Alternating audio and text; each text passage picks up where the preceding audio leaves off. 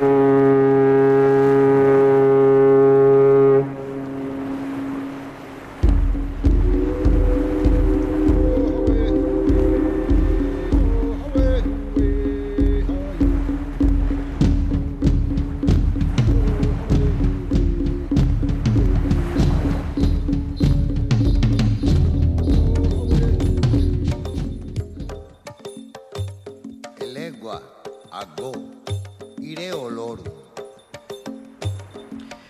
estáis? Bienvenidos a Levando Anclas, programa en emisión a través de la sintonía de Radio Euskadi. Vamos a escuchar las noticias de viajeros que nos traen de lugares cercanos, pero también de los confines de la Tierra y también de los océanos. En esta ocasión vamos a comenzar con una caminata por Nepal y terminaremos haciendo yoga en la India. Entre medio nos acercaremos a los Andes, al Pamir y algunos de los lugares de la Europa inédita.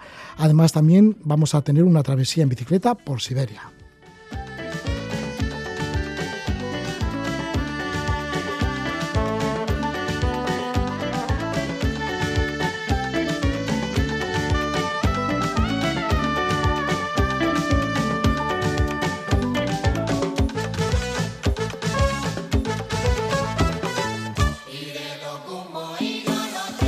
Nuestra primera invitada en Levando Anclas va a ser Raquel García Ceballos.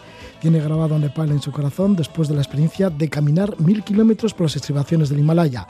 Ha regresado por segunda vez a Nepal para intentar ascender al Pisan Peak, una montaña de 6.091 metros.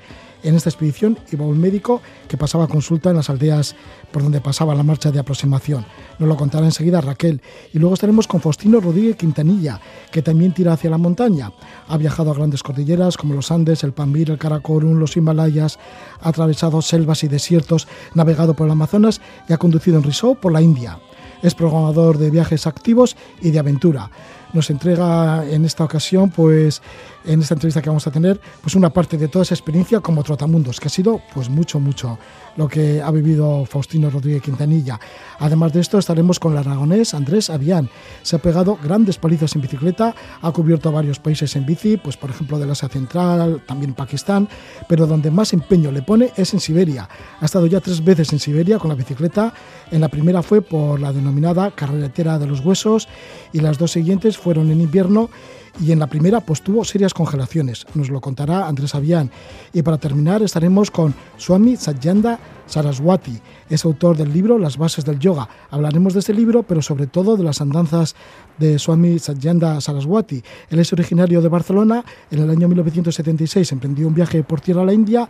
Le cautivó tanto el hinduismo que vivió retirado en una cabaña a los pies de la montaña, luego también fue peregrino junto a sadhus renunciantes, estuvo por allí, por las fuentes del Ganges, y dio también la vuelta al monte Kailas. Así que tenemos muchas historias sorprendentes que contaros y vamos a estar ahora ya por el Himalaya con Raquel García Ceballos y nos tiramos hacia Nepal.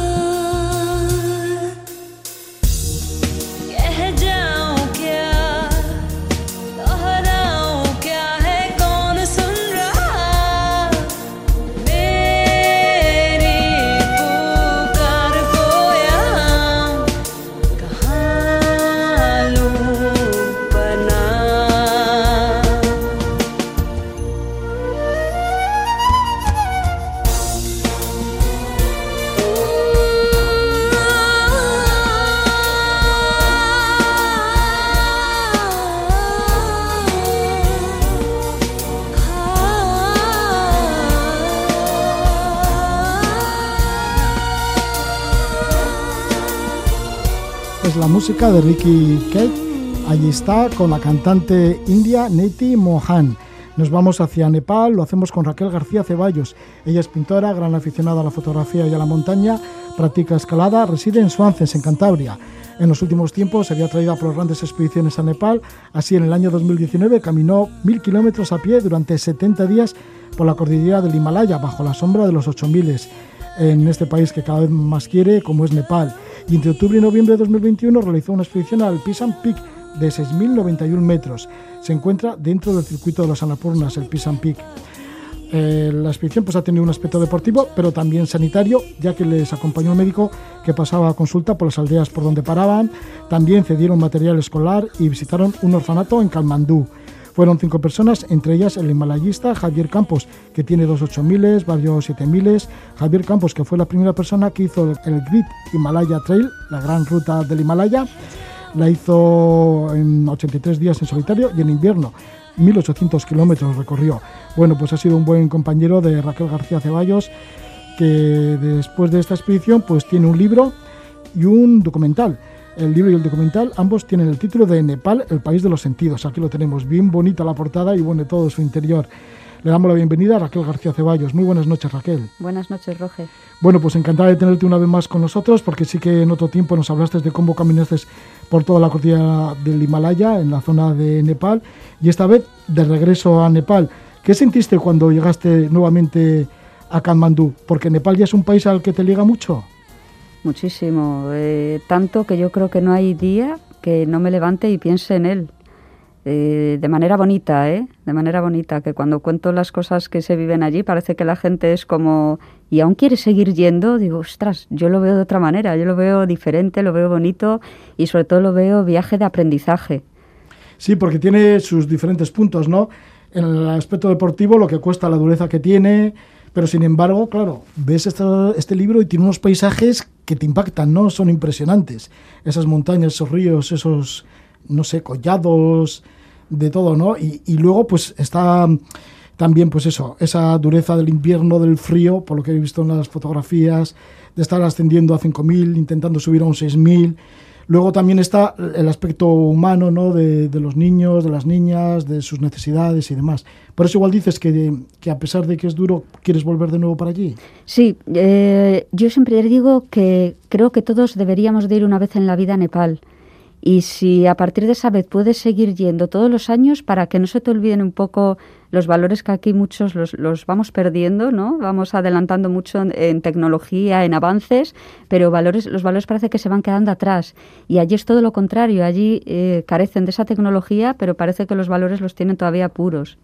¿Cuáles son esos valores, algunos de esos valores? Pues el darte todo lo que tienen, cuando digo todo, yo Hombre, igual es un, un ejemplo un poco raro, ¿no? Pero mm, tú vas por las aldeas de Nepal, no te conoce nadie, te abren, debe decir te abren la puerta, pero no tienen puertas, eh, te reciben a cinco personas desconocidas y te mandan pasar y que te quedes a dormir allí con ellos en el suelo de su casa. Esas cosas aquí, lógicamente, no se hacen, ¿no? Pero es el, el valor de, mm, no sé, de, de confiar un poco, ¿no? En la gente, de no ser tan somos un poco desconfiados, o, siempre pensamos mal. Allí es que ellos no tienen esa, esa, maldad, digamos. ¿Por qué consideras Nepal el país de los sentidos, que así se llama tu documental y tu libro? Eh, ¿Por qué viene el título ese? ¿Me puedes, puede ser la pregunta? Sí, ¿y por qué, por qué eso de los sentidos? ¿Te pone todos los sentidos a flor de piel? Exactamente. Justo lo que has dicho. O sea, aterrizar en Nepal es eh, poner todos los sentidos en alerta, digamos. Todos, desde la vista, por lógicamente lo que estás viendo, la gente que venimos de, Occidente y vamos a Oriente no tiene nada que ver visualmente, ¿no? El olfato, yo lo primero que me llamó la atención fue el olor de Katmandú, el olor, el, el mal olor de Katmandú, eh, que se mezclaba con, los olores de incienso, que tantos recuerdos tengo yo de la infancia, que ahí es donde empezó mi viaje a Nepal desde España, en la infancia con 14 años y oliendo a incienso, y, el paladar, pues las comidas totalmente diferentes, y todo, los, el tacto, el tacto, el tacto de, de las eh, manis, las lápidas de oración, el, el, tocar las letras en tibetano, es que puedes usar todos los sentidos en Nepal. ¿El mismo paisaje te deja con la boca abierta? Digo, con, la piel ahí, vamos, que dices, uy, ¿qué estoy viendo? Sí, sí, sí. sí. O sea, que te conviertes más sensible todavía. Muchísimo más. Allí es que tienes eh, todos los sentimientos a flor de piel, todos. Porque a tu expediciones, además del aspecto deportivo, porque en la otra ocasión, pues sí, recorriste la parte del Himalaya de Nepal bajo los 8000, por 8 8000 estuviste debajo de ellos. Y en esta ocasión, pues el intento de ascender al Pisan Peak. ¿Por qué además del aspecto deportivo también buscas otros aspectos cuando vas a Nepal? Pues mira, creo que es un poco egoísta de nuestra parte ir a aprovecharnos, eh, aprovecharnos entre comillas, digo, de, sus montañas, eh, aparte de que les podamos dejar un dinero o no, y a nosotros que no nos cuesta nada desde aquí poder ayudarles de otra manera, ¿no? Llevándoles cosas o guardando un poquito de ese tiempo que vas allí, un par de días para visitar eh, bien orfanatos o bien fundaciones, eh, fábricas donde trabajan mujeres y los regalos. Yo, por ejemplo, lo que hice en el primer viaje, los regalos que, tuve que, traer, eh, lo hice en las fábricas estas, donde trabajaban mujeres que habían sido rescatadas de la calle, por ejemplo. Mm, hay detalles que se pueden hacer, no cuesta nada. No cuesta nada colaborar un poco en un país y no solo ir a escalar su montaña y ya está. Sí, y además en esta expedición ibais con un médico. Un médico que luego montabais campamentos y ayudabais a la gente pues a ver sus necesidades sanitarias. Bueno, me imagino que las primarias, las bueno, no, no serían necesidades muy muy graves ni nada, ¿no? Eso es, eran, eran necesidades un poco básicas, ¿no? Un típico dolor de cabeza o dolor de articulaciones, de estómago, alguna conjuntivitis, eh, casos que no tuvieran un seguimiento médico, ya que nosotros no nos podíamos quedar eh, más de dos días en esas aldeas. Mira, ahora justamente estoy viendo una foto del libro, El País de los Sentidos, Nepal, El País de los Sentidos, que es un libro de fotografías, bueno, pero siempre va acompañado de textos, y aquí aparece el doctor con el que ibais en la expedición, Alfonso Sánchez, Em, que está pasando consulta y aquí se ve a una mujer nepalí con unas manos como muy cultivadas. Con unas manos que si te fijas los dedos eh, parecen ochos, están entero torcidos, eh, todas las, y más las mujeres que los hombres parecía, padecían de, enfermedades de, deformación, ¿no? de artrosis, artritis porque desde pequeñas están trabajando y trabajan la tierra y con el ganado, hacen ellas las casas, eh, portean. No es porque las mujeres ahí trabajen más que los hombres, simplemente porque las mujeres desde que nacen eh, tienen ya su trabajo, eh, digamos, puesto ya y el hombre se puede buscar otro trabajo. Sí, las manos son oscuras, pero bueno, parecen de la tierra, ¿no? Sí, sí, sí. De tanto tocar la tierra y de tanto cultivar la tierra. ¿Cómo os montasteis en toda la expedición? ¿Cómo fue la salida de Kalmandú y cómo fuisteis aclimatándoos y cómo os fuisteis por estas aldeas, también con el equipo sanitario? Pues mira, salimos de Kathmandú, fuimos en, un jeep hasta Lower Pisan.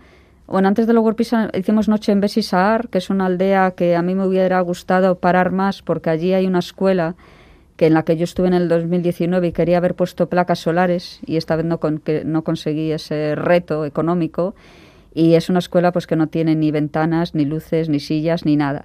Y bueno, pasamos allí una noche, de allí nos fuimos hasta Lower Pisan y allí es donde comenzó la aventura deportiva, digamos, y el primer campamento sanitario. Y de allí todo caminando.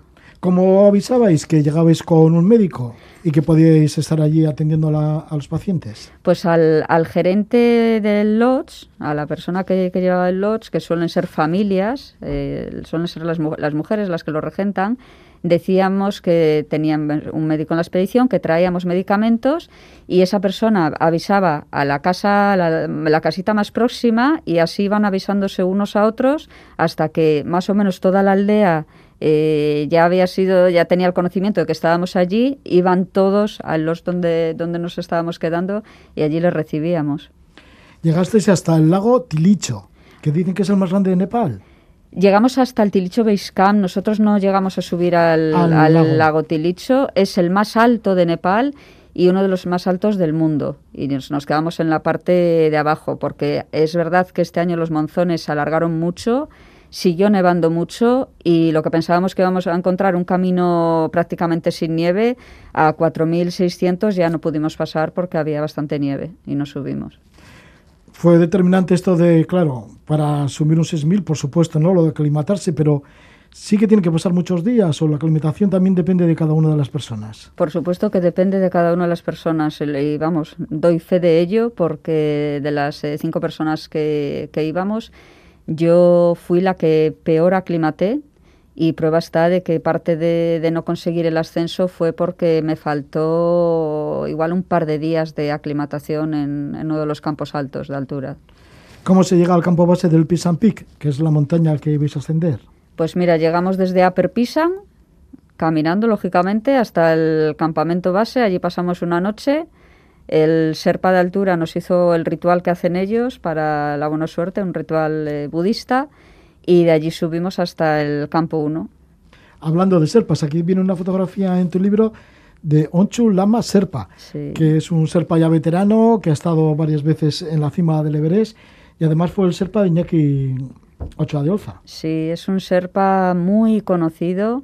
Eh, nos contó, bueno, toda la gente que había subido con él y lo, fascinante de la historia de este hombre es que yo cuando acabo de decir eh, todos los ocho miles que había subido y yo le, le, hacía reverencias y le hacía así y él me decía, se enfadaba y me decía que no, no, que él no quería, que, que él era su trabajo y lo, lo, dice en el documental que, que tenemos, ¿no? Él dice, ese es mi trabajo yo no soy un gran montañero, es mi trabajo. O sea, los que vamos allí en modo hobby o, pasión por la montaña, para él era su trabajo. Lo que nosotros vemos admiración, él era una obligación. Y una vez allí en el campo base del Pisan Peak, ¿cómo eran las temperaturas? ¿Cómo estabais ya preparadas para subir allí hacia la cima? Bueno, pues temperaturas mm, bajas porque en el campo alto ya estábamos pisando nieve en el campamento prácticamente y entre menos 12, menos 15 grados fueron esa noche. Y llegó la ascensión, ¿no? ¿Cómo fue el ascenso? Pues eh, complicado para mí, muy lento. Nos levantamos sobre las 4, cuatro y media de la mañana, comenzamos a subir por el hielo y bueno, yo no, tenía, yo no llevaba el ritmo que tenía que llevar Allí cuando caminas todo se hace muy, muy lento. Allí lo normal es hacer, eh, para que te salga a la cima y como se calcula todo, tendríamos que estar andando 100 metros a la hora. Y yo no estaba llegando a esos 100 metros. Entonces ya vimos, eh, cuando amaneció, pues, al salir a las cuatro y media de la mañana, pues cuatro horas después vimos que no, que no se iba a llegar a la cima, que no se iba a llegar a la cima en las condiciones que se tiene que llegar se podía haber llegado porque había horas de sobra, pero el problema siempre es la bajada. Claro, que ahí te puedes arriesgar muchísimo, ¿no? Eh, bueno, arriesgas todo, porque ya no estás subiendo. Yo siempre, yo siempre pongo el ejemplo, ¿no? Que en las cimas de las montañas hay un reloj invisible que tienes que cumplir ese horario y que si no cumples ese horario estás ya en riesgo. Entonces eh, yo iba con personas que entienden mucho más que yo a mí me lo explicaron de esa manera, así lo entendí y me conformé con lo que me dijeron, aunque me costó mucho. ¿eh?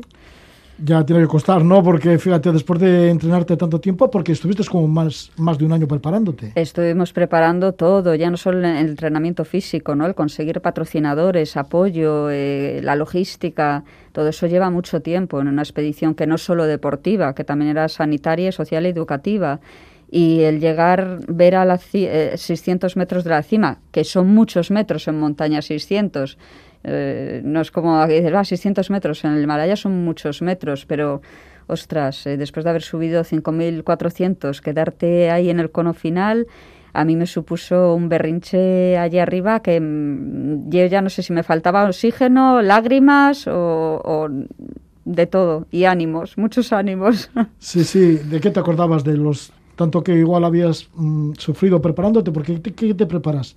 ¿En los picos de Europa? Sí, me preparo principalmente en picos porque es curioso y no soy la, la, única que lo digo. Vamos, eh, mucha gente que va, va, al Himalaya se entrena en picos de Europa porque dicen que, lo más parecido a, pico, a el Himalaya son los picos de Europa estéticamente y como dureza, como mm, zona así dura visual de roca, es Picos de Europa. Y yo Picos lo tengo a una hora de mi casa. Sí, pero bueno, seguiste los consejos de gente que ya has dicho experta, ¿no? Entre ellos Javier Campos, que él ya con 20 años así ya subió esta cima, justamente, el Pisa Peak. Sí, lo subió con 20 añitos él, sí. Sí, además que tiene ya dos ocho miles, los varios 7000 también, el Great Himalaya Trail, la gran ruta del Himalaya, que hiciste tú también. Bueno, pues él lo hizo también en invierno, en solitario, en 83 días, y además fue de los primeros. El primero, sí. O el primero. Y luego también ha estado dos veces llegando en esquí al polo norte magnético. Sí, sí, sí. O sea que si él te dice que la cosa yo, hay que retirarse, hay que retirarse. Yo puedo no hacer caso a mi madre en muchos temas, pero a esas alturas haría caso siempre a Javier y es que es un experto y tengo mucha confianza en él, de él aprendo porque para mí es un referente y si él me decía, Raquel, eh, ya no podemos, pues me pesara o no, eh, nos dimos la vuelta. ¿Os diste la vuelta y la decepción fue pasándose? No. No. No. ¿Hasta que llegaste a Cantabria? Hasta que llegué a Cantabria y pasaron todavía un tiempo ¿eh? después de llegar a Cantabria.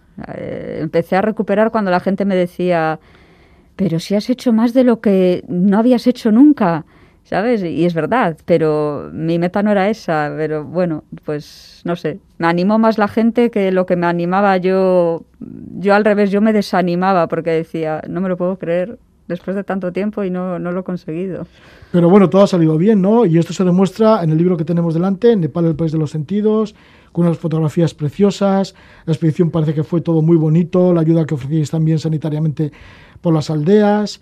Luego también hay un documental, estás presentando en diferentes partes, por aquí por Euskal Herria estás moviéndote continuamente con presentaciones, o sea que totalmente positivo. Totalmente positivo para seguir haciendo proyectos y cuando te decía que, me quedé muy de bajón, ahora estoy todo lo contrario. ¿eh? Esto va por fases. Yo ahora eso ya lo tengo superado y ahora lo único que quiero es seguir haciendo proyectos estilo el de Nepal en esa línea. Sí, y volviendo al tema sanitario, me llama la atención, ¿no? Porque hay que médicos acercan a las aldeas tan remotas por las que habéis pasado. Allí no hay médicos. Claro. No hay médicos. Allí lo que usan, como la otra vez os conté, son chamanes son los que a los que a los que piden ayuda, digamos. En el día a día. Sí. Sí, y en tu caso, cuando estuviste haciendo el Gran Trail por el Himalaya, Raquel, pues te mordió un perro, nos comentaste. Sí, uf. Y que la vacuna te costó mil euros. Mil treinta y tres euros, pero no era la vacuna, era, era la inmunoglobulina, porque eh, allí los perros no están vacunados no, contra la rabia entonces era un perro de la calle, que, o sea, de, que no tenía dueño, y me hizo un rasguño, porque me hizo un rasguño, aunque me agarró dos veces de eso, vamos, casi no se veía en sangre, pero ellos el protocolo que tienen, es más, me hicieron nada más entrar en el hospital una encuesta, eh, me dijeron que si me había mordido un perro o un mono, porque estaban haciendo un estudio de por qué los perros y los monos mordían a extranjeros.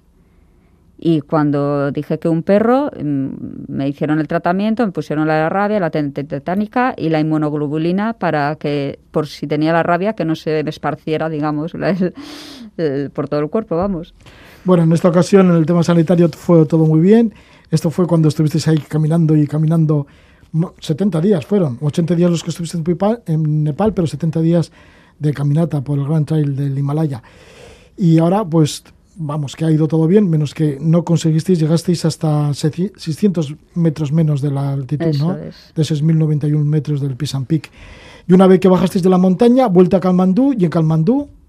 Pues en Kalmandú hicimos la visita más eh, emotiva, que fue al orfanato eh, de Indira Ranamagar, que es la, la persona que lo gerenta, y que lo regenta, perdón, y, ella lo que hace es rescatar a niños que están en las cárceles eh, donde sus padres, ambos, están presos y no les dejan salir a, casa de otros parientes. Eh, los, que, los niños que sus padres están los dos en la cárcel tienen que convivir con ellos.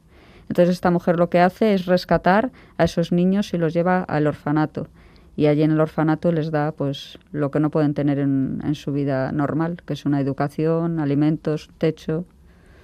Raquel, pues aquí tenemos tu libro en el que se van viendo todo esto. Luego también está el documental. El libro, recordamos el título, Nepal, el país de los sentidos. Para conseguir este libro, Raquel, ¿cómo se puede hacer?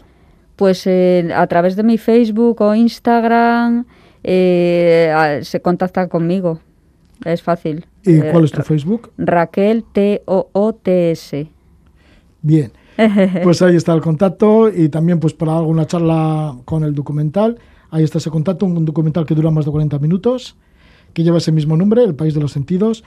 Muchísimas gracias por visitarnos, una vez más por estar aquí en este programa Levando Anclas. Raquel García Ceballos, autora del libro Nepal, el País de los Sentidos y el documental del mismo nombre. Que vaya todo muy bien, mucha suerte y buen regreso a Nepal. Muchas gracias, Roge. Gracias de nuevo.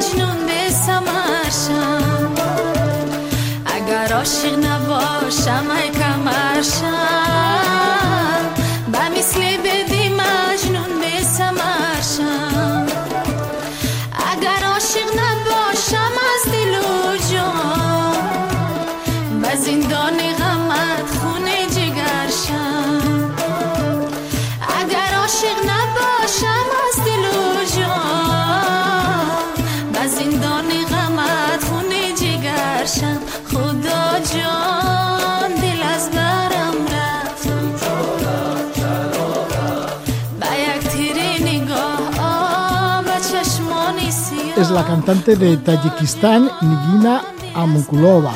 Y es que uno de los puntos que vamos a tocar a partir de ahora es la ruta del Pamir, que va de Tayikistán hasta Kirguistán.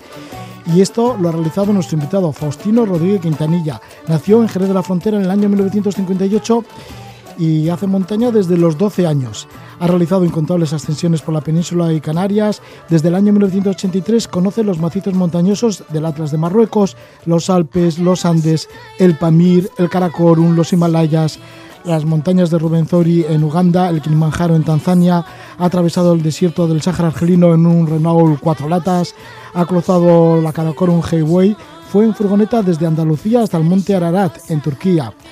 También fue de San Pedro de Atacama en Chile hasta Río de Janeiro. Ha navegado por el Amazonas, ha hecho ascensiones y travesías por las selvas de Sao Tomé y Príncipe, ha realizado trekkings por los Andes de Perú, por los montes Urales en Rusia, ha participado en el Tuk Raid, carrera que atraviesa el sur de India hasta cerca de Bombay, conduciendo un rickshaw. Fue aquello algo como trepidante. A ver, ya le preguntaremos. Y luego, además, pues Faustino ha sido organizador del primer raid tras Atlas en mountain bike Comenzó en el año 1993 y lleva ya 29 ediciones. Además, también ha organizado raids en bicicleta de montaña en el desierto del Sáhara, en Kirguistán, en el desierto de Atacama y en las montañas Taurus en Turquía. Faustino Rodríguez en la actualidad es director de Alventus y Años Luz, programador de viajes activos, de aventura y viajes diferentes. Le damos la bienvenida, Faustino. Muy buenas noches. Hola, buenas noches, Roge, ¿qué tal? Bien, pues nos hablas de Jerez, pero bueno, desde muy pequeñito, esa afición a la montaña y a los viajes. Y luego, bueno, pues eh, ¿te vino también la afición de crear agencias de viajes alternativos? Pues sí, mira, yo empecé muy jovencito a salir a la montaña, a las montañas aquí cercanas de, mi ciudad, que es la sierra de Grazalema, las sierras de, del sur de, de Cádiz. Y bueno, pronto empecé, a subir a montaña y veía que había otras montañas más lejanas y siempre quería ir a otras, ¿no?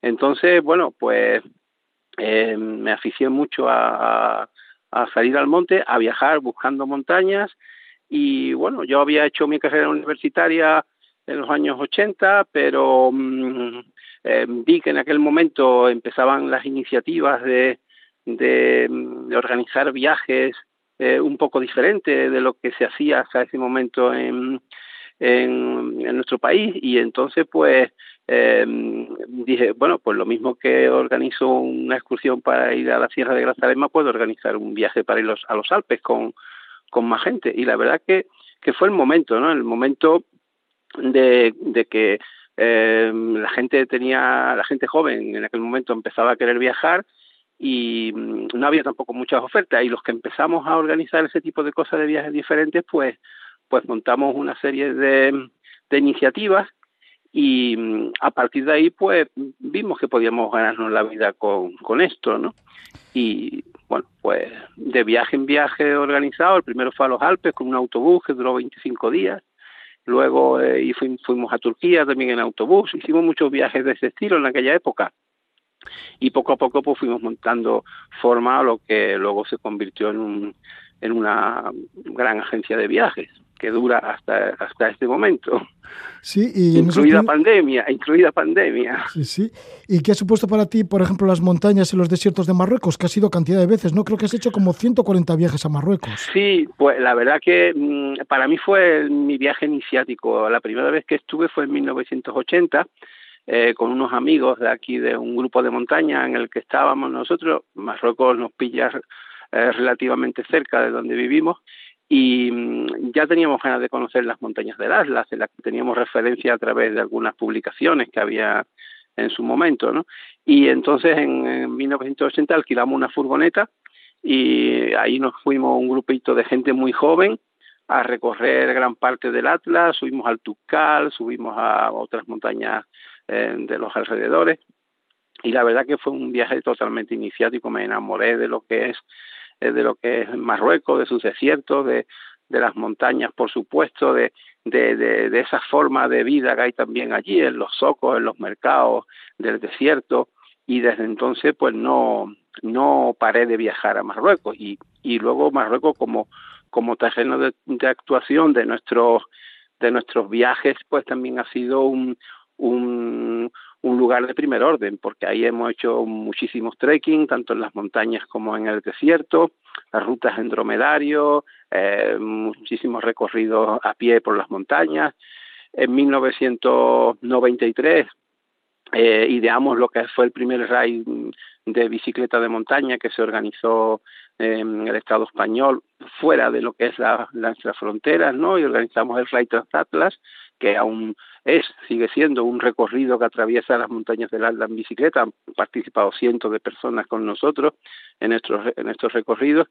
Y desde entonces, pues ya te digo, no he parado de viajar. Tengo mm, muchísimos amigos en la zona, he conocido también otras zonas del país que poca gente conoce, como son las zonas de, del Rif, que está más al norte aún, pero menos conocido que el Atlas, las, las zonas del Atlas Medio, que casi limitan con Argelia, que también son muy desérticas y muy solitarias.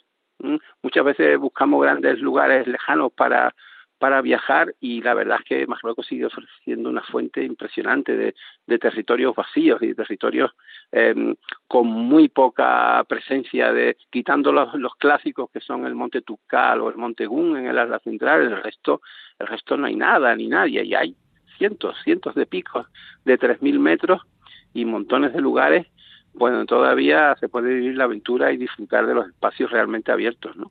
Faustino, ¿y cómo han cambiado los trekkings? Porque estás haciendo trekkings desde hace muchos años. Por ejemplo, en el año 1985 hiciste el trekking de la Annapurna, después de que, recorriste India y llegaste hasta Kamandú. ¿Cómo han evolucionado estos trekkings? Por ejemplo, el de la Annapurna, que era famosísimo, ¿no? Y que mm, decían que fue el primer trekking que existió.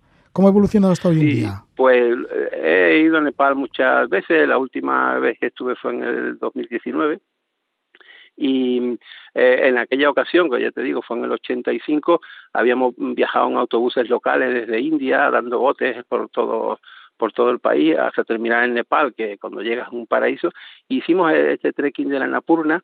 Bueno, pues en aquella ocasión el, el, el país todavía, aunque ya empezaba a haber eh, cierto movimiento de trekking, pero todavía era un lugar bastante mm, básico en todo esto, maravillosamente básico tengo que decir, porque porque bueno eh, los los y los pueblos que donde se desarrolla la ruta pues todavía pues eran casas muy populares mm, era un contacto con la población local de primer orden en muchos lugares no había los y se montaban tiendas de, de campaña eh, bueno eran los inicios no para los que eh, lo conocimos en aquella época, pues fue una experiencia inolvidable. mm, hoy ha cambiado, hoy eh, sigue siendo impresionante. Yo no le voy a quitar la grandeza del Himalaya y del circuito de la Annapurna. Ha cambiado porque hay más comodidades, las pistas de, de, que entran coches adentran cada vez más, los los pues tienen mayores comodidades. Por un lado está bien, pero por otro lado ha perdido ese encanto. Pero bueno, eh, yo lo recuerdo como una gran aventura y un y realmente un, un lugar impresionante. en aquella época el Valle de Kamandú, donde se asienta la capital, era un lugar todavía mm, con muy poca población. Hoy en día la ciudad de Kamandú está rodeada de, de, de, de, digamos de, lugares urbanos, ¿no? De montones de, de, casas y de infravivienda, ¿no? Y entonces era un valle idílico aún. Sigue siendo bonito, como te digo, sigue siendo muy interesante, pero los que lo conocimos en otra época, pues lo, lo, lo, vivimos de otra manera.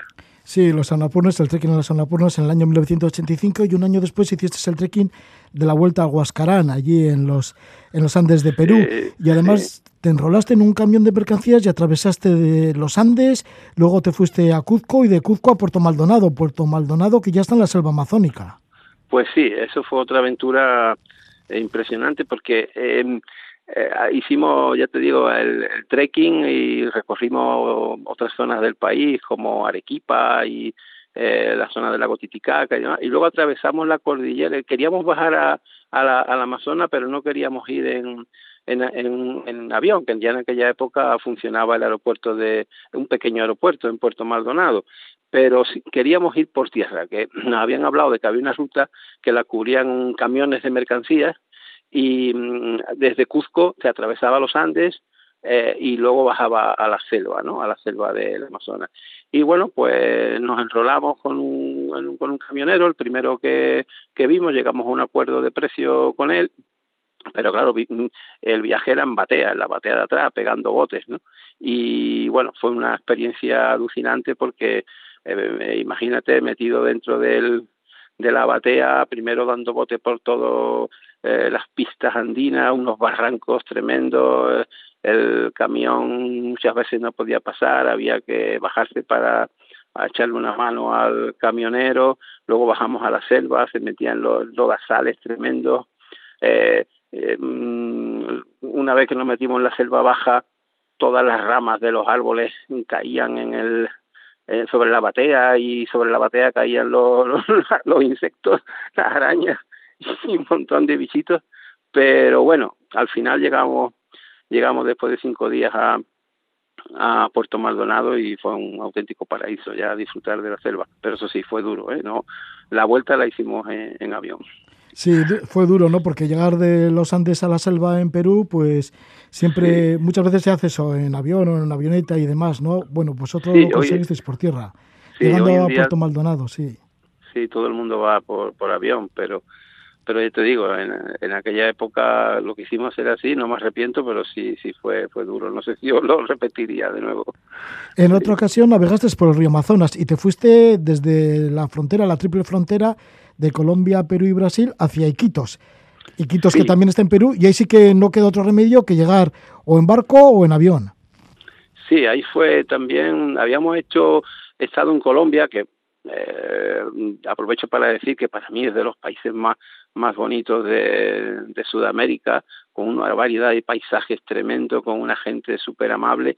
Habíamos estado en, haciendo un trekking en, en, Ciudad Perdida, es un, es un lugar que está en el Caribe colombiano, eh, en busca de una ruina de la civilización tairona y durante cuatro días estuvimos caminando por la selva hasta llegar a esta, a esta ruina, que es un sitio impresionante porque hay que llegar caminando durante cuatro días y cuando llegas allí ves lo que fue eh, las ruinas de, los edificios que tenía esta civilización, la verdad que, te, quedas maravillado con lo que hay allí dentro, por donde está, ¿no? Por el lugar donde está. Y luego de allí fuimos recorriendo toda Colombia hasta llegar a mm, Leticia, que está muy al sur, en, en, en el territorio que llaman de la triple frontera, que está eh, Colombia por un lado, Brasil por otro y Perú por otro, ¿no? Y allí estuvimos haciendo, eh, remontando el río Yabarí primero, que eh, está por, hace frontera con Brasil y con Perú, es un sitio de verdad alucinante, selva, selva y más selva. Y luego eh, en, un, en un barco de mercancías compramos un pasaje para ir desde, desde Leticia a Iquitos, que también fue una travesía espectacular por todo el, todo el Amazonas hasta llegar a Iquitos. Fue una, también una experiencia fantástica, ¿no? Aquella. Sí. Si cambiamos de continente, de Sudamérica nos trasladamos a África, pues estamos en Uganda. Y en Uganda hiciste la ascensión al Rubenzori, que parece ser que os costó bastante, sobre todo por el lodo que había, ¿no? Os hundíais en Pues el lodo. sí, la verdad es que el- siempre, yo recuerdo ah, que leí de muy joven en una revista de Euskadi, del Pirenaica se llamaba esa revista. Sí, de y se llama, que montaña. sí, sigue llamando, sí, ¿verdad? sí, por supuesto, que es Hace la, tiempo que no sé nada. sí, es la revista de, de la Federación Vasca de Montaña, Sí, que pues sale recuerdo- periódicamente, por supuesto. Ah, sí, sí, sí. Pues yo recuerdo, yo era muy joven y, y, y leí un artículo de un vasco que, su- que estuvo por allí y me, me pareció un sitio espectacular y alucinante. Y bueno, como siempre hago cada vez que veo algo así que me, me llama la atención, pues lo, lo archivo. Digo, bueno, ahí tengo que ir algún día. Y la verdad que en el año 90, creo que fue, o 92, no recuerdo ahora bien, eh, pues nos juntamos varios y fue el momento propicio para para ir hacia allá. Eh, la verdad es que mm, entramos por la zona de Uganda, el Rubensori es un macizo, una de las fuentes del, donde nace el Nilo, una de las fuentes, y son montañas en pleno Ecuador que alcanzan los 5.000 metros de altura. Y tiene desde la selva tropical más alucinante hasta los glaciares que están en el pico Margarita y el pico Stanley. Y mm, la verdad es que fue, era una época en la que había muy poco, muy poca gente en la zona. Cuando llegamos ahí fue un plan artesanal con una pequeña oficinita que había en, en Fort Portal, que está a los pies de las montañas, y negociamos un poco el cómo iba a ser el recorrido. Eh, la verdad, en aquella época, hoy en día es, como te digo, mm, hay mucha información a través de internet, a través de, de, de mucha gente que ya estaba antes, pero en aquella época la información era una fotocopia de la revista Pirenaica y poco más. Y, y, la, y llegar allí y habíamos estado en muchas montañas, pero nunca en unas montañas de esas características. Que es que de cuando vimos a, a nuestro guía y a otros ayudantes con unos, unos machetes tremendos, ¿no? Mm, eh, que empezaron a caminar y iban con esos machetes y nosotros decíamos, ¿esto para qué lo lleváis? No sé qué. Era para abrir camino en la selva, ¿no? No, no, no era para otra cosa. y siempre habíamos hecho rutas en cualquier montaña, en Himalaya, lo que sea, siempre siguiendo senderos, pero nunca que tuvieran que abrirse paso en la selva, ¿no? Y bueno, la verdad que fue impresionante porque es que eh, en rutas que puedes echar un par de horas caminando en cualquier lugar y esa va siete horas porque era hundirte en lodo en algunas ocasiones hasta las rodillas, eh, eh, se nos mojaba la ropa y ya no había posibilidad de secarla. Eh, los refugios, por llamarlo de alguna manera, eran cabañas de madera llenas de ratones. Eh, pero bueno, esa es la parte, diríamos, entre comillas, negativa. La parte positiva es que el lugar es impresionante porque es que todo es verde, todo es una selva de colores mmm, entre verdes y, oscuros y, lluvia, y, pero impresionante, de helechos que tienen tres metros de altura, eh, brezos gigantes, mmm, lobelias, cenecios, en fin, un montón de, de, de, flora y animalitos, animalitos también hay, y se ven, sobre todo los, los chimpancés, los monos aulladores, en fin, hay mucho, y hay otros que no se ven, pero se ven las huellas, como son panteras y otro tipo de, de animales. Además, el guía creo que os decía para animaros, o todo lo contrario, no sé si era para desanimaros, que mañana va a ser más duro. O sea que. Sí, le preguntábamos. Os espera buena.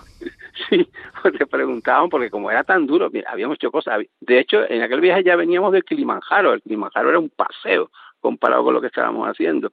Y le preguntábamos y le decían Baluca, se llama Baluca, mañana mejor, no, no, no, mañana peor, no, mañana peor, pero ¿cómo va a ser peor? Mañana peor, y, y era peor, era peor, porque ya te digo, era sobre todo por las condiciones, ¿no? De, de, tremenda parecida. Yo siempre, en un escrito que hice en aquella época, digo, me considero una lombriz que va rectando por, por la montaña, ¿no? Un, una, porque es que, ya te digo, la ropa conseguimos tener algo seco metido en una bolsa, al día siguiente nos poníamos otra vez la ropa mojada y así continuábamos.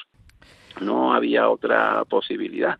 Pues esto, sí, sí, sí, esto es Rubenzorio en Uganda, pero fíjate, luego, bueno, por tantos sitios, si hablamos de la alta ruta del Pamir, que fuisteis desde Tayikistán a Kirguistán, yendo por la zona muy paralela a Afganistán en alguna ocasión, que incluso os adentraste en Afganistán, ¿no? En algún mercado. Sí, eso fue un mercado afgano.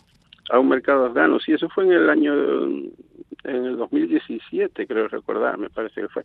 Eh, Sí, eh, yo tenía muchas ganas, eh, había estado antes... Bueno, fue en, el año 2016, según tus apuntes. O 16, sí, sí, En el, en, eh, antes, hacía muchos años, había estado yo en el, en el Karakorum, en la alta ruta del Karakorum, entre Pakistán y China, y, y siempre me llamó mucho la atención ese nudo de montañas que hay entre el Karakorum, el Hindu Kush, las montañas del Pamir. yo creo que es de los sitios más impresionantes de la Tierra en cuanto a nudo de montañas y dentro de ella hay un corredor famoso que es el corredor Wakkan, que es un paso natural entre montañas que desde, desde hace cientos de años pues la gente de la zona lo, lo, ha utilizado como vía de comunicación.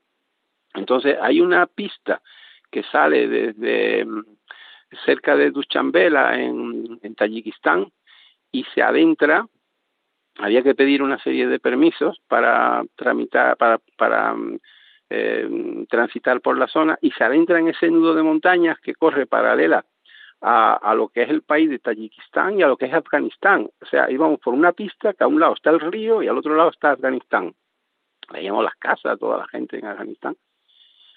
y luego continuamos hacia, eh, paralelo a este río, son 1.500 kilómetros de, carretera, pista, porque carretera a veces hay asfalto, a veces no.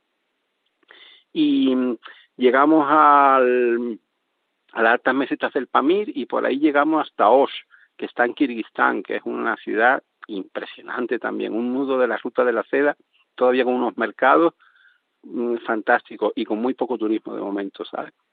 Entonces hicimos toda esa ruta, eh, fueron, creo recordar, cuatro, cinco días o seis de, de pista de tierra, durmiendo en sitios que son muy básicos, pero realmente alucinante porque está en un corazón de montaña eh, impresionante. ¿sabes? Sí, porque estuvisteis ocho días atravesando la cordillera, que por cierto os llevaba un chofer ruso que se comunicaba con vosotros por gestos. Y, claro, llegabais a lugares, pero que muy perdidos, ¿no? En, montañas, por pistas de tierra. Seguramente que los hospedajes eran como bastante precarios también. Muy básico, todo básico. Mm, en algunos lugares una pequeña ducha de agua fría y, y poco más. Allí traje una hepatitis, pero bueno, eh, fue la más benigna de todas, ¿no? La A, que no, que quitándome un, un mes más o menos de tranquilidad y de no y de no hacerme mm, mucho esfuerzo, pues se me, se me curó sin, sin más. Eh, Faustino, un poco precario, sí. Ya, ¿y cómo es que te apuntaste a la Tutuk Rey por el sur de India, que llegaste cerca de Bombay? Sí, eso fue una Porque viste en Rizou, ¿no? Que era una carrera en Rizou. Sí, era como una especie de prueba, sí, medio carrera, medio prueba, en un challenge que llaman desafío, que, que bueno, lo organiza una, una empresa india que se le ocurrió a un tipo que estaba, que tiene una iniciativa muy simpática de organizar cosas así raras en, en, en India. Y es un viaje, yo lo llamo el primer viaje global, porque allí habíamos 50 equipos que éramos cada uno de un, de un país diferente, ¿no? Y mm, la, la gracia del tema está en que te dan un itinerario y tienes que hacerlo conduciendo tu propio tuk-tuk. imagínate, ya el tráfico de, de por sí en la India está endiablado, pues imagínate conduciendo tu propio tuk-tuk, ¿no? Es, mm, es una aventura, bueno, cuando te, te, te, cruzas con los indios, te ven conduciendo y dices, pero a ¿este quién es? ¿Quién conduce esto? Si esto lo conducen aquí los indios, ¿no? Entonces, bueno, la verdad es que fue una experiencia impresionante. Sí, porque erais, erais 50 equipos, ¿no? De gente de diferentes partes del mundo. Sí, había un, una convivencia muy simpática y había un, un, todas las noches nos juntábamos, había challenge, o sea, había que, que cubrir eh, unos kilómetros en determinados momentos, había que descubrir esto pues algunos desafíos que te ponían, pues buscar algo escondido en un castillo perdido no sé dónde, en fin, era muy simpático todo y por la noche nos veíamos, había gente que llegaba a una hora y otros que llegaban cuatro horas más tarde porque se le averiaba o se pinchaba o cosas así. Estamos con Faustino Rodríguez Quintanilla, nos habla desde Jerez. Lleva 42 años de viajes y aventuras, de montañas, de conocer gran parte de nuestro mundo y estábamos hablando pues de esos de esos trekkings que has hecho o por ejemplo de este tuk tuk ride por la India, pero también conoces bastante Europa y conoces una Europa distinta, ¿no? Y organizas viajes a una Europa bastante distinta. Por ejemplo, a la región de Maramures, que se encuentra en Rumanía, lindando con la frontera con Ucrania, o Zagoria, al norte de Grecia, que linda con Albania, unas montañas bastante, bueno, que son poco conocidas y ahí está la garganta de Samaria. O, por ejemplo, también habéis hecho trekkings por los Urales y además habéis ido desde Moscú en tren a los Urales, ¿no? A los montes Urales. Pues sí, nosotros una, en nuestra programación siempre ha sido un plato fuerte Europa en general. Yo creo que Europa sigue siendo en gran parte una desconocida en determinados lugares, ¿no? Porque eh, muchas veces tendemos siempre a irnos a un lugar perdido de Asia o de África pero si buscamos en Europa aún encontramos verdaderas maravillas, ¿no? Y a, dos pasos, a tres horas de avión, a dos horas. Todavía nos queda por hablar de muchas cosas más. Por ejemplo, cuando estuviste en los Tepuis, en Roraima, en la sabana venezolana y en la selva venezolana, o en la misma selva de Sao Tomé y Príncipe, también en el continente africano, ahí en, en el Atlántico. Bueno, tantas y tantas cosas que se nos van a quedar, pero bueno, eh, Faustino, pues déjanos el contacto con Alventus. Pues sí, si cualquier oyente entra en alventus.com, pues directamente va a ver todo nuestro amplio programa de actividades y de, y de viajes y las iniciativas que se nos van ocurriendo. Pues muchas gracias, Faustino Rodríguez Quintanilla, desde Jerez. Que vaya todo muy bien. Buenos viajes. Gracias a ti, gracias a ti. Muchas gracias.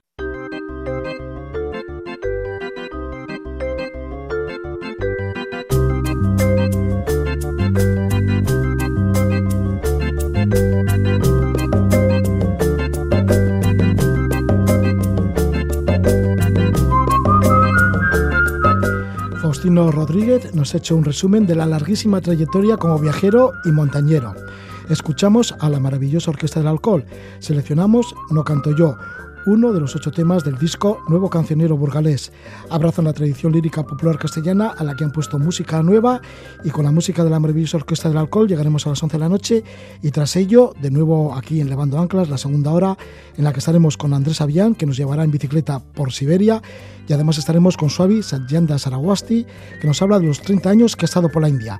Escuchamos pues a la maravillosa Orquesta del Alcohol.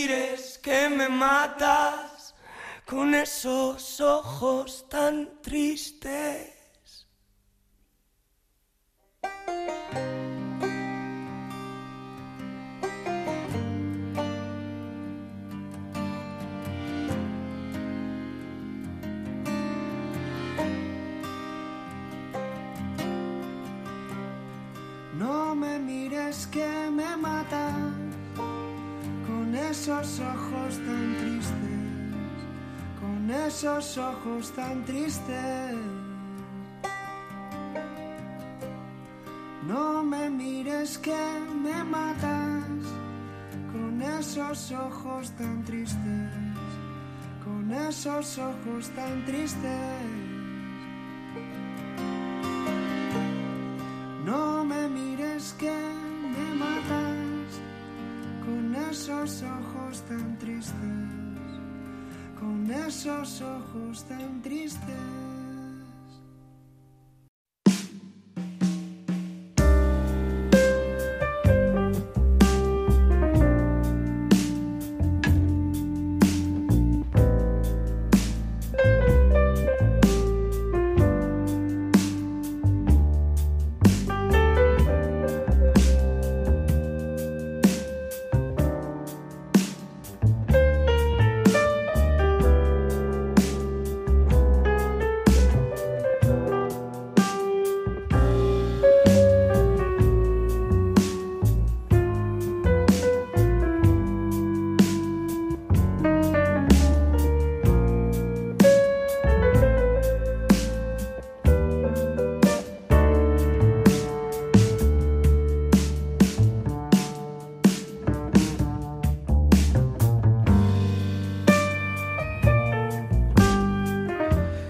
Ya en la segunda hora de Levando Anclas. Nos introduce en esta segunda hora el grupo de jazz italiano Barba Negri Ciliani. Ricardo Barba al piano, Federico Negri a la batería y Nicola Ciliani al contrabajo. En breves momentos vamos a conversar con Andrés Avián. Nos explica las odiseas vividas en bicicleta por Siberia en invierno ha tenido congelaciones y cuando volvió a su tierra, Zaragoza, estuvo tres meses que solo veía blanco. Bueno, nos lo contará ahora. Y también estaremos con Swami Satyanda Saraswati. Él es de Barcelona, pero ha vivido 30 años en India. Es maestro hinduista, un gran experto en yoga. Nos habla de esta disciplina y de sus años de asceta y peregrino en Asia. Ahora estamos yéndonos para Siberia.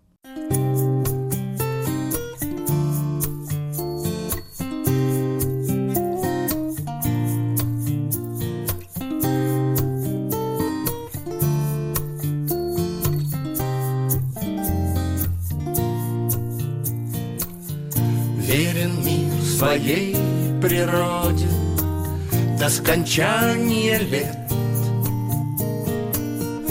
На рассвете тьма уходит, ибо свет рождает свет. Свет рождает свет. Сто мелодий стихли вроде, тишина в ответ. Но под утро тьма уходит, ибо свет рождает свет. Свет рождает свет. Мир опять сошел с ума, и лишь одно спасет его. Свет рождает свет, а тьма не рождает ничего.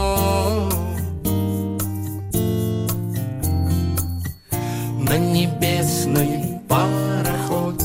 Выпал нам с тобой билет. Он уходит на восход Туда, где свет рождает свет.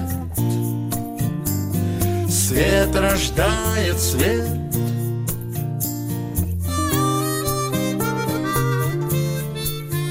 Es el grupo ruso Masina Bremini. Y vamos a estar con Andrés Avián que ha estado ya en tres ocasiones en Siberia con su bicicleta. José Andrés Avián, que nació en Zaragoza en el año 1971. Es montañero y cicloviajero por las cordilleras de Asia y tres veces ha estado recorriendo los territorios de Siberia. Desde los 16 a los 35 años ha hecho montañismo por el Pirineo. Su viaje de iniciación en bicicleta fue por el Camino de Santiago en el año 1992. Poco después ciclaría por Mongolia y después también fue desde Latakia de Siria a Beirut y de allí cruzó a Jordania llegando hasta el Mar Rojo. Casualmente, en este viaje en el desierto de Wadi Run en Jordania, conoció a Reinhold Messner, el primero en completar los 14 miles del Himalaya, toda una figura.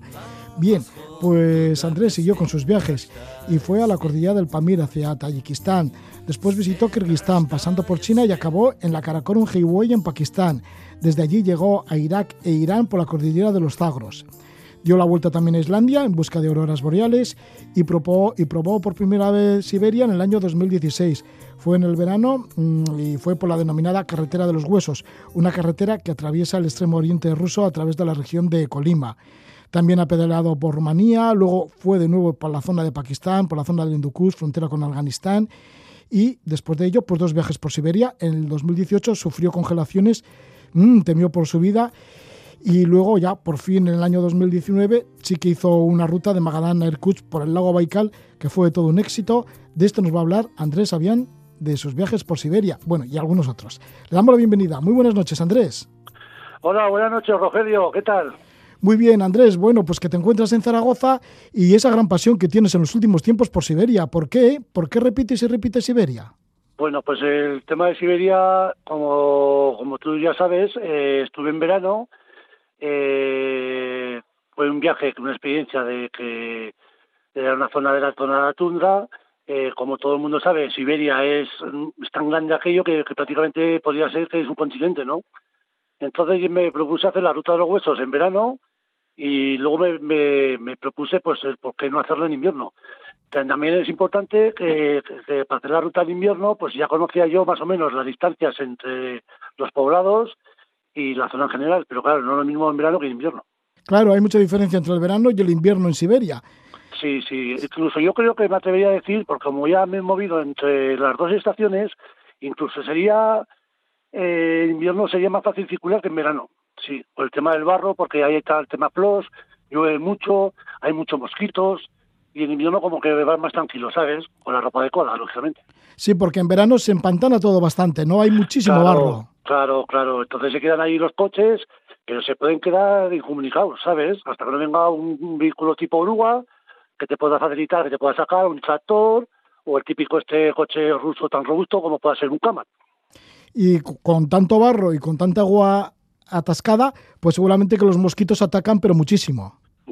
Eso tenía que ser, vamos, a la hora de orinar o hacer el popó, pues prácticamente te, te, tenías, no sé, una garra, una garra química, ¿no? Te tenías que, que rociar de todos los productos, incluso tenías que encender alguna espiral, una espiral de estas que, que desprende humo para pa, pa, para espantarlos, porque era, vamos, era algo increíble, vamos.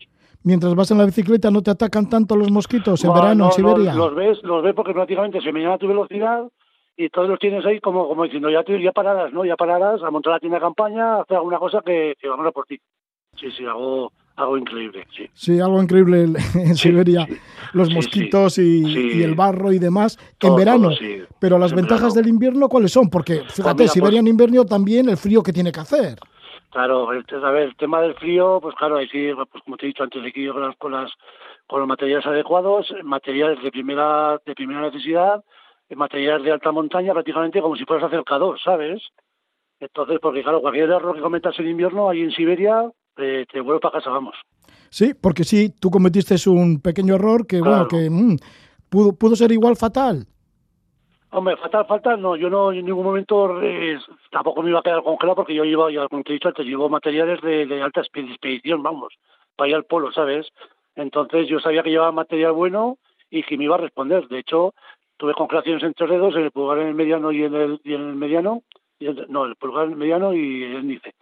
Y entonces, ¿qué pasó? Pues que tuve, cometí un error, me quité una manopla, estuve tres minutos, se me, ya se me pusieron los dos blancos y luego ya las típicas ampollas, pero es que luego a raíz de eso ya llevaba nueve horas durmiendo y, estaba perfecto. De hecho, estaba convencido que, que, la podía acabar. Sí, pero bueno, finalmente sí que la cosa no fue tan bien, sí que tuviste esas congelaciones graves en los dedos y finalmente terminaste en el hospital de San Jorge en Huesca, en la unidad de congelados. Eso es, eso es sí, ahí acabé, sí. Sí, sí, pero estuvi- sí. estuviste tres semanas allí en la unidad de congelados y luego el tercer intento. Te fuiste otra vez Claro, para claro. Siberia en invierno. Claro, claro, claro, porque por eso te comento, porque como yo sabía que, que claro, ya llevaba ya unas nueve horas durmiendo, el material estaba respondiendo, lo único que cambié, que me que fue con la ropa de la primera capa, que era lana merino, pero por lo demás, las botas, el saco de dormir, trajes, eh, forros polares, todo, todo, vamos, estaba todo en orden, sí, sí. Sí, bueno, pues ahora vamos a saber un poco más detenidamente cómo, se han, cómo han sido estas tres expediciones a Siberia en bicicleta. Volvemos de nuevo a la primera, a ese verano en el cual estuviste recorriendo una buena parte de Siberia. Fuiste haciendo unos 3.000 kilómetros, ¿no? De, de- desde Yakutsk hasta Magadán. Hasta Magadán, sí, por la carretera de los huesos. La, típica carretera que mandó construir Stalin para poder sacar todo, pues, todos los minerales que, este- que tienen ahí en, en las yungas. Sí, esa carretera de los huesos, eso que la construyó Stalin, pero la construyó con presos, que Claro, muchos de ellos murieron. Eso es. y ahí quedaron Eso sus es. huesos. Sí, sí, sí. Eh, tiene tramos, pues, de claro, pues, de, de- de- pues hay muchos recordatorios a la gente de los gulags, sobre todo había mucho ucraniano, húngaros, gente que estaba en contra del sistema, y estamos ahora hablando de alrededor de 5 millones de personas. Y se nota que estás sobre una carretera de, de gente enterrada. Eh, te da un poco yuyu y tal, porque has leído algo, te has documentado, pero bueno, luego ya, ya te vas acostumbrando como si fuera una, una pista normal del monte, ¿sabes? Y ahí es cuando te, bueno, cuando te encontraste, pues eso, con también con mucho barro y coches atascados y demás. Sí, sí, sí, sí. De hecho, había que allí con la otra parte de la tundra, pues claro, llueve mogollón, ya te he comentado el tema de los mosquitos, y, y claro, rodar con la bicicleta pues es fácil, más fácil que claro que, que llevar un coche con cuatro ruedas. Entonces pues buscando un poco las esquinas y tal, y, y a tirar el chubasquero. Incluso llevaba paraguas, fíjate lo que te digo, sí. Ya, porque venía claro, sí. llovía mucho también. Sí, llovía mucho, sí, una burrada, ¿eh? Y luego son grandes ríos, son como este, este nuestro Ebro, más que más que ocho o nueve veces de ancho, ¿sabes? No se ve ni la orilla. ¿Y cómo te gustó tanto esto de recorrer la carretera de los huesos que luego la repetiste ya en invierno? Bueno, pues eh, tenía un poco de morbo, porque claro, como te he dicho, ya eh, dije, ¿por qué no la puedo hacer en invierno también?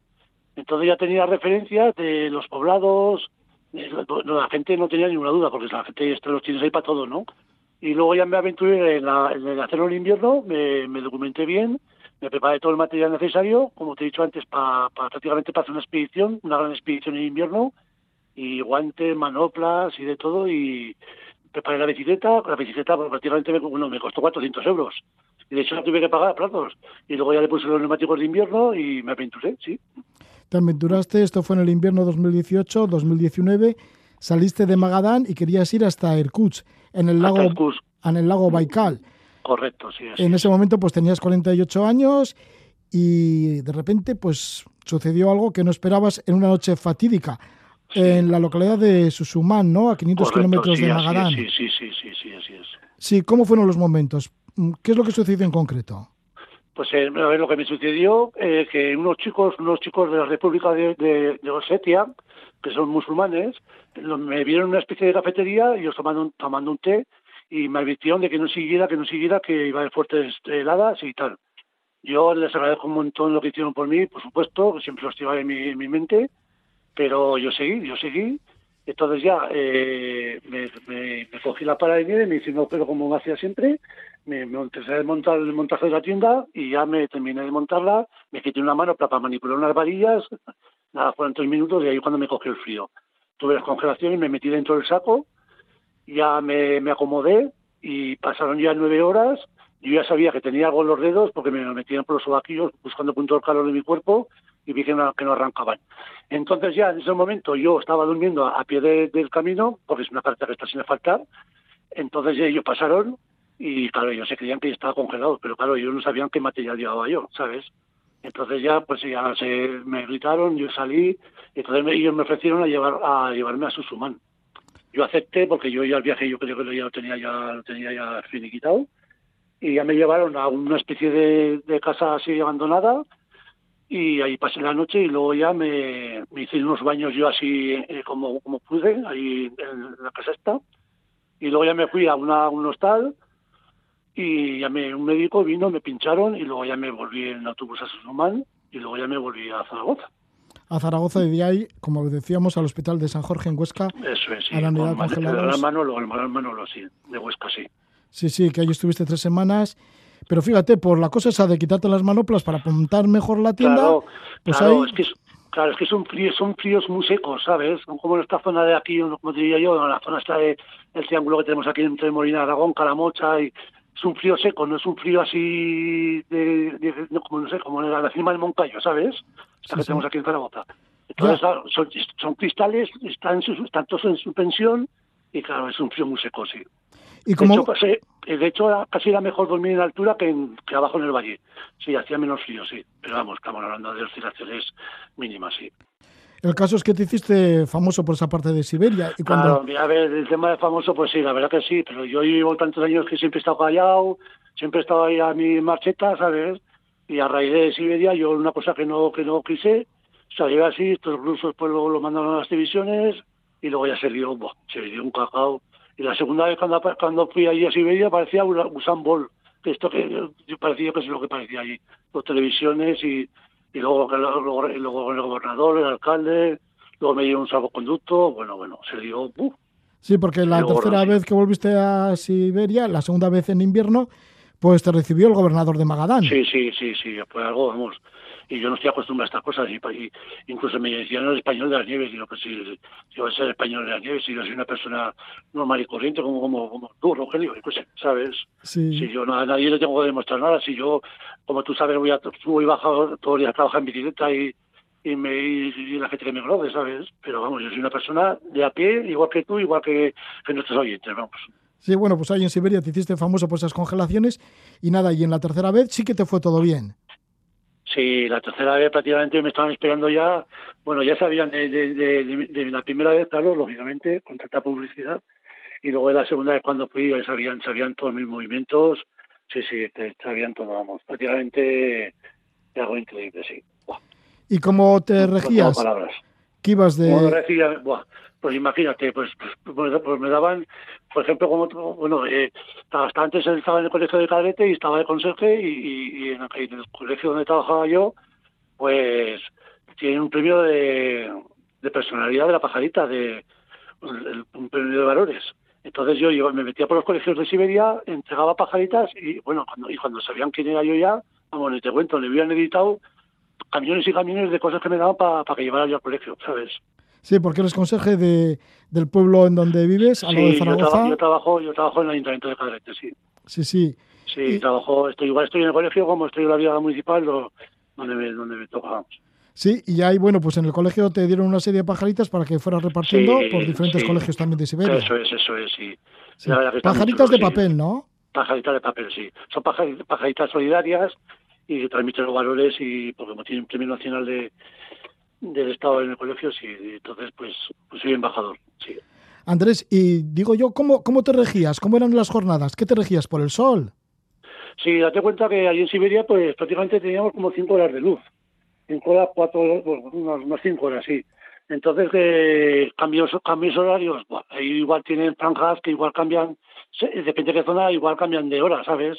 Entonces prácticamente me bas- aparte no tenía ni prisa, no miraba ni el reloj ni me basaba con el sol, sí, me basaba con el sol. Cuando lo veía, claro, porque si no igual salía un día gris de estos de, de calor, de plomizos, ¿sabes? De frío. Fíjate, de frío y en invierno, ya como dices, Sí, muy pocas sí. horas de sol. Sí, muy pocas de horas luz. de- de sol, de- sí, sí, muy pocas. De hecho, cuando llegué a España, vamos, me pegué casi tres meses sin ver, sin ver verde y todo blanco, todo blanco. Y me- cuando llegué a Madrid me quedé flipado. Sí, sí. Sí, O sea. ¿qué te pasó? ¿Que solo veías blanco? Claro, claro, solo veía blanco y ya cuando, cuando ya llegué, yo creo que llegué el día 10, el día 11, justamente cuando, cuando salió el presidente del gobierno y dio lo de la, lo de la pandemia y, y ya estábamos metidos ya en, en primavera, sí, estaba todo verde y tal, me llamó mucha atención, sí, me hacía, me hacía daño hasta la vista, sí. ¿Y, y, y cuándo, y, y cómo fue esto de ver todo blanco, blanco y blanco? O sea, que te pasaron varios días hasta que empezaste a ver los, Sí, sí, sí, los sí, colores sí, reales. sí, sí, sí, te cuenta, claro, te das cuenta que, que luego yo lo, todo lo que es la cara, eh, llevaba unas gafas estas de snow, de esquí, ¿sabes?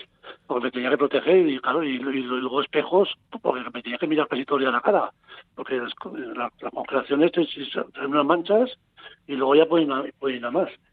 Entonces, claro, es una cosa que, que tiene que tener ahí cuidado y sobre todo la barba, la barba, todo que sea pelo, uff, había que llevar, había que llevarlo a rajatabla. No podéis ir con barba larga porque se te queda el pelo, se te queda la cabeza pegada al pasamontaña, ¿sabes? Sí. Sí, todo como escarchas en el pelo. Claro, claro, claro. Se te queda la- el pelo, se te queda el, el pasamontaña pegado y vamos, lo pasas mal, ¿eh? Sí, sí. Ir afeitado prácticamente, sí. Luego el paisaje, cuando ibas en bicicleta por Siberia, ¿cómo es el paisaje? Porque Siberia parece que es como infinito. Sí, a ver, el tema de Siberia, de paisajes, pues mira, es una cosa que, que es, que es- no, como te diría yo, como los monegros, o, ¿sabes? Como las Bardenas. Es todo así, todo, todo inmenso, infinito y, y a lo lejos si veías una chimenea, pues ahí, ahí, ahí había vida, sí. Sí, Pero mucho, bueno, mucha tundra, mucho bosque. sí, mucho bosque, sí.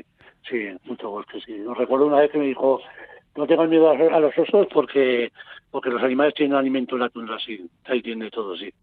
Así que no debías temer a los osos. Bien, y antes de retirarnos, antes de terminar esta conversación, sí que me gustaría que nos des algunos apuntes de las grandes cordilleras de Asia por donde has pasado, porque has ido por el Pamir, por el Karakorum, por la, la Karakorum Highway, por el Hindu Kush, bueno, por tantos sitios, por los montes también del Kurdistán iraní. ¿Por qué te ha tirado tanto el Asia, las cordilleras de Asia?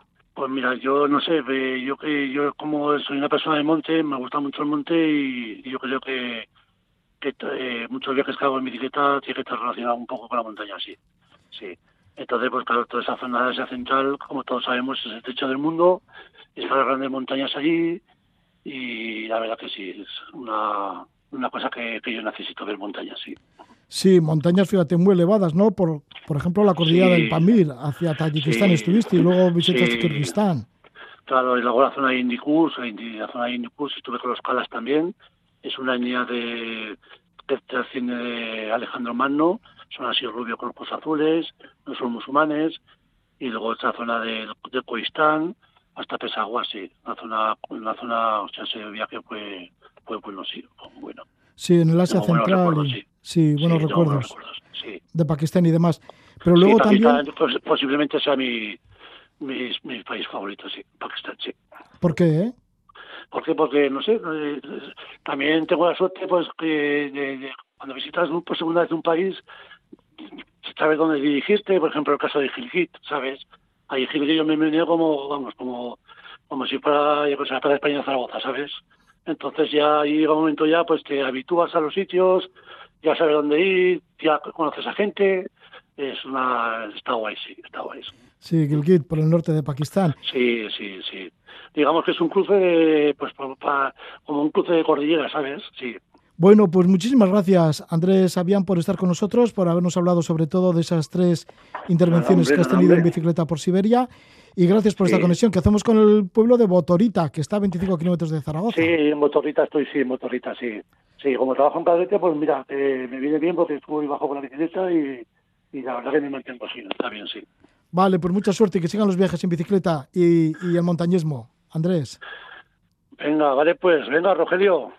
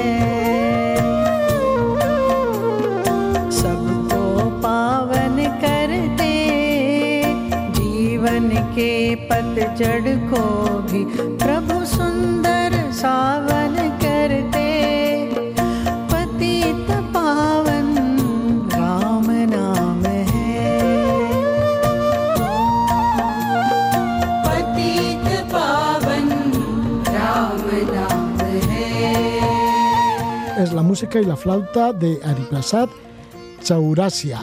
Y es que nos vamos a la India con un gran experto en este país y en la religión hinduista. Vamos a dialogar con Swami Satyananda Saraswati. Él es monje y maestro hindú. Nacido en Barcelona, ha vivido 30 años en la India, dedicado a la práctica y estudio, también a la contemplación de la tradición yoga, el Advaita Vendata y el Sivaísmo de Cachemira. Ha sido peregrino por los lugares sagrados del hinduismo. Fue a la cueva santuario de Amarnach. Se considera sagrada para los adoradores de Shiva. Ha realizado la circunvalación del monte Kailas en el Tíbet. Caminata de 53 kilómetros a una altitud de 5.000 metros con un paso de casi 6.000. Un lugar santo no solo para la religión chamánica Bon del Tíbet, sino también para los budistas, hindús y jainas. Se cree que es el centro del mundo y entre los hindúes el hogar de Shiva. Ha alcanzado Gamuk, donde el glaciar Gangotri hace brotar una de las cuatro fuentes del río Ganges a 3.400 metros de altitud. Swami Satyananda peregrinó durante cuatro meses por el Himalaya. Lo hizo por el Himalaya indio, acompañando a sadhus renunciantes. Se bañó en las aguas del glaciar. Bueno, y esto nos lo va a comentar ahora. Diremos que Swami Satyananda regresó a Barcelona en 2009. Ha fundado la asociación Advaitadvija de la comunidad Kaislas Arran. Es autor de numerosos libros. El más reciente se ha publicado por la editorial Kairos bajo el título de Las bases del yoga, el origen del Hatha Yoga, los natas y su expansión en Occidente. Estamos con Swami Satyananda, le damos la bienvenida. Muy buenas noches. Muy buenas noches, Rogelio. ¿Cómo estamos?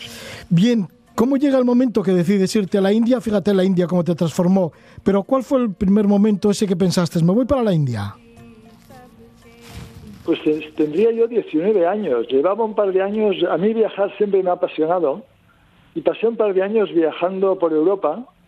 Eh, Esta era la época que el autostop funcionaba y subía pues de, de Suecia y Holanda hacia, hacia el sur, hacia Marruecos y volvía a subir. Y llegó un momento que sentí, mm, estaba practicando meditación y yoga, el intenso deseo de tener un maestro, de conocer un maestro que me pudiera guiar en mi camino. Y esto me llevó a emprender el, viaje que duró más de dos meses por tierra, de Barcelona hasta Amritsar, eh, pasando por, por supuesto, Grecia o Europa, Turquía, Irán, Afganistán, Pakistán, hasta llegar a la India. Eh, pues con medios eh, muy sencillos, de autobuses, a veces camiones, algo de tren. Fue un viaje precioso. Sí, pues como dices, allá por el año 1974 y 1975, pues sí, viajaste por Europa, lo hiciste además en autostop, y fue en el enero de 1975 cuando emprendiste el camino hacia Oriente. Bueno, por aquella época pues sí que estaba también de moda el Magic Bus, la ruta de los hippies hacia Oriente, y tú además pues fuiste desde Barcelona a Estambul en un barco de carga, fíjate, qué bonito, ¿no? Fue un barco de carga que no sé por qué, eh, conocimos un- una persona que estaba en este barco y nos dijo que sí, que había un pequeño camarote, una habitación muy sencilla que nos podía alojar. Y por un precio mínimo, pues llegamos a Estambul. Durante el día estaban en los puertos, Marsella, Génova, eh, Nápoles, Atenas, y, y por la noche eh, iba navegando. Con lo cual nos dio la oportunidad de conocer estos lugares también. Ya, pues fíjate qué oportunidad, ¿no? Ir en este carguero. Y una vez ya en Estambul, pues seguisteis para Irán, pero fíjate, era el Irán del, del Shah. Era el, Irán del Shah, era un país muy pobre, a la vez eh, con partes muy opulentas. Eh, era, era ya para nosotros, eh, viniendo de Europa, otro universo completamente distinto. ¿Cómo erais acogidos allí en Irán? Irán en aquel momento yo noté una cierta tensión. E- Era un país dentro, dentro de todo, al menos Teherán, bastante, pues, económicamente se veía pujante, se veía vivo, pero se notaba una cierta tensión eh, en el aire. Quizás, eh, y es cierto que el Shah cayó no mucho tiempo después. En Afganistán, que sería el siguiente país, ¿cómo vivisteis el Afganistán que todavía no estaba invadido por la Unión Soviética y que permanecía en paz? Afganistán, Rogelio, fue como un paraíso. Eh, Era un país, eh, esto sí, muy pobre, pero de una belleza y una pureza impresionante. Recuerdo las estancias que, yo en realidad quería llegar a India, pero Herat mm, pasamos varias semanas, Kandahar pasamos varias semanas, lugares semidesérticos, una población muy amable, eh, como había una magia eh, muy, muy bella en este país. Desafortunadamente luego la invasión Rusia y los talibanes ha tenido un futuro pues un poco movido. Qué bonito suena lo que has nombrado, ¿no? Herat y Kandahar. ¿Era Sí. como un pequeño paraíso para vosotros por aquel entonces? Para mí sí, tampoco, era, tampoco íbamos a lugares confortables, estábamos en, en pensiones así sencillas, pero era una vida pues muy alejada de la máquina, eh, de, de- de la, la patología del progreso, de la rapidez. Era una vida lenta con animales por las calles, con la gente que tenía tiempo de conversar y mirar el cielo. Era, empezaba ya este oriente mágico que, que en cierta manera yo anhelaba. Esa ruta hacia Oriente, ya hemos dicho que muchas veces la practicaban los hippies por aquel entonces. Mm, Había un trasiego de gente que os iba dando información, unos venían, otros iban, de Europa a Oriente y al revés.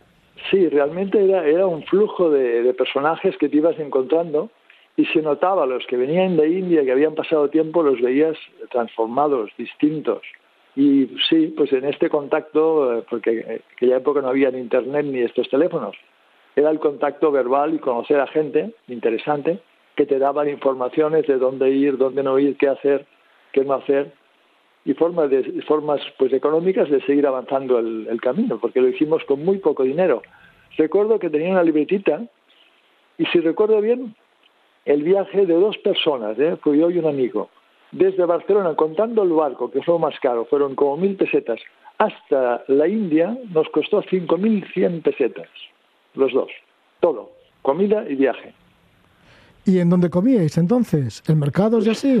en cualquier lugar que encontrábamos, que nos habituamos pues a la comida lo- local. En- en- era una época que no había agua mineral, te tenías que habituar a beber el agua y tenías tus diarreas y el cuerpo se habituaba.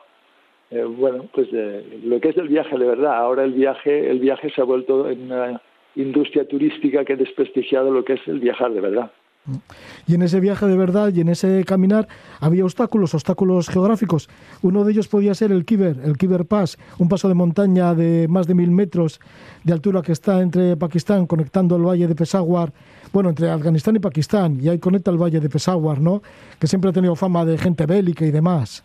Exactamente, estaban los patanes allí en caballo, con, con unas cartucheras, con escopetas. Nos advirtieron antes de coger una furgoneta llena de, de personajes campesinos con gallinas, sacos, grano, eh, que, es- que era muy posible que nos, nos asaltaran y habíamos conocido a, personas occidentales que les habían asaltado y estaban casi sin nada. Y nos dijeron, si, nos, si os asaltan, no pongáis res- resistencia, entregarlo todo.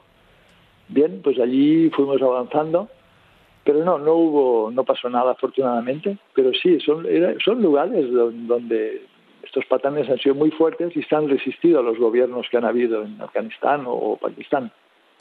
¿Cómo una fue? Zona realme- una zona realmente eh, salvaje en el buen sentido. Sí, sí, o sea que la pasaríais con un poquito de miedo. Pues bastante, sí. Sí, sí, resp- respirando con cuidado y, y avanzando, sí, sí.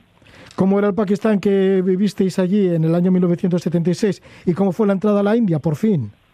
Pakistán, francamente, no, no me gustó mucho y pues, es, es el país que pasamos más rápido y en tren, avanzando. La India para mí fue una experiencia, fue, fue una llegada como una llegada a casa, como si ya intujera lo, intuyera lo que iba a pasar. Me sentí muy bienvenido, eh, Punjab era, era todo verde, cañas de azúcar, mucha vegetación, campesinos, vacas, una vida muy bella y una gente muy amable. ¿Intuyes lo que te iba a pasar?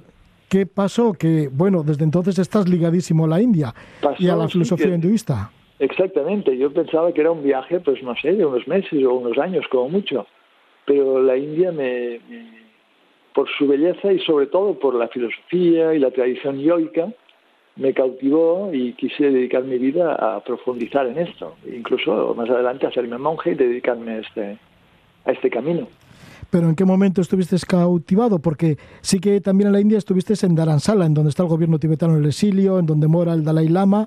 ¿No te interesó también la cultura mm, budista tibetana y otras? Sí, sí, yo, yo llegué a India pensando que encontraría un maestro budista y fui a varios lugares, eh, quería hacer unos cursos de Vipassana, fui, fui a Dharamsala, conocí los lamas, pero no, entre- no, en- no encontraba el maestro que me cautivaba, que, con el cual sentía una fuerte conexión. Hasta que pasados varios meses, viajando por el centro de la India, estábamos ya en Maharashtra, eh, a unos 100 kilómetros de Bombay al interior, en un ashram, en una comunidad, pues paso allí unos días, hay unos cantos, unas recitaciones de mantras, y allí siento una, una felicidad y un reencuentro conmigo mismo muy fuerte, y decido ya quedarme allí. Ah, te quedas. O sea, en ese viaje que hiciste en el año 1976, ¿decidiste quedarte por un tiempo? El ¿Volviste de resto, el, resto, el resto, no, no, el resto del viaje fue ya en ese ashram. Ahí pasé como ocho meses, después de lo cual, bueno, por varias razones, porque quería evitar el servicio militar, terminé en Australia, volví a Europa y luego volví a India posteriormente. Y ahí te quedaste. ¿Y ahí encontraste tu maestro?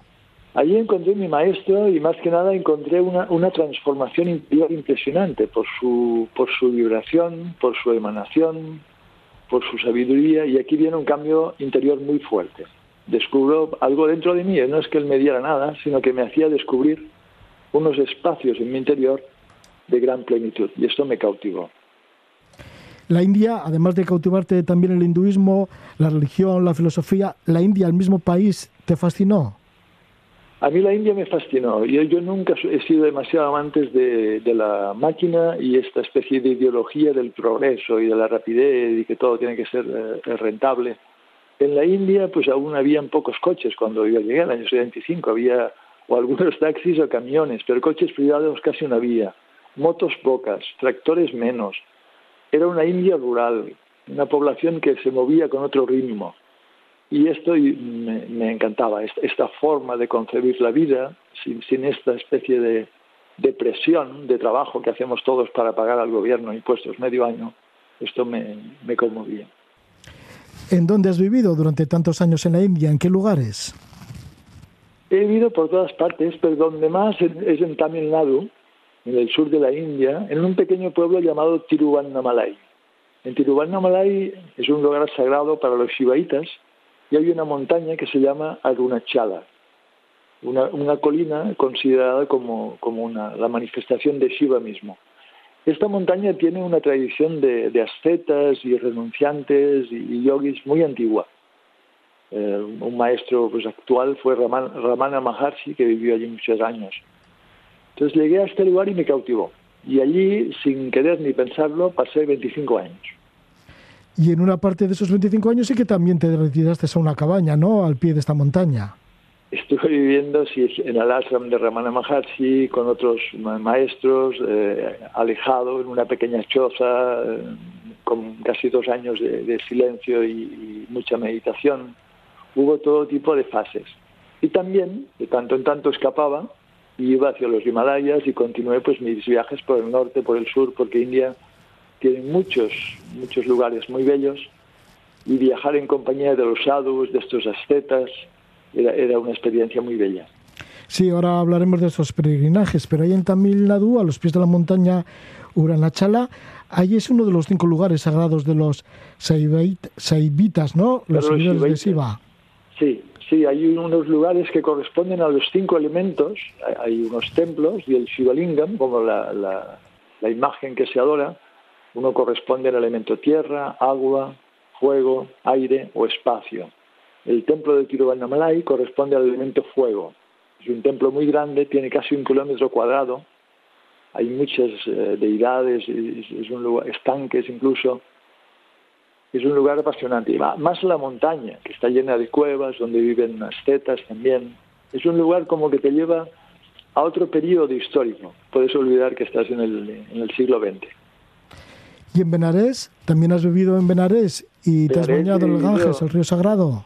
Benarés he visitado muchas veces, viví casi durante todo un año, estaba estudiando sánscrito con un pandit, eh, con lo cual fue un...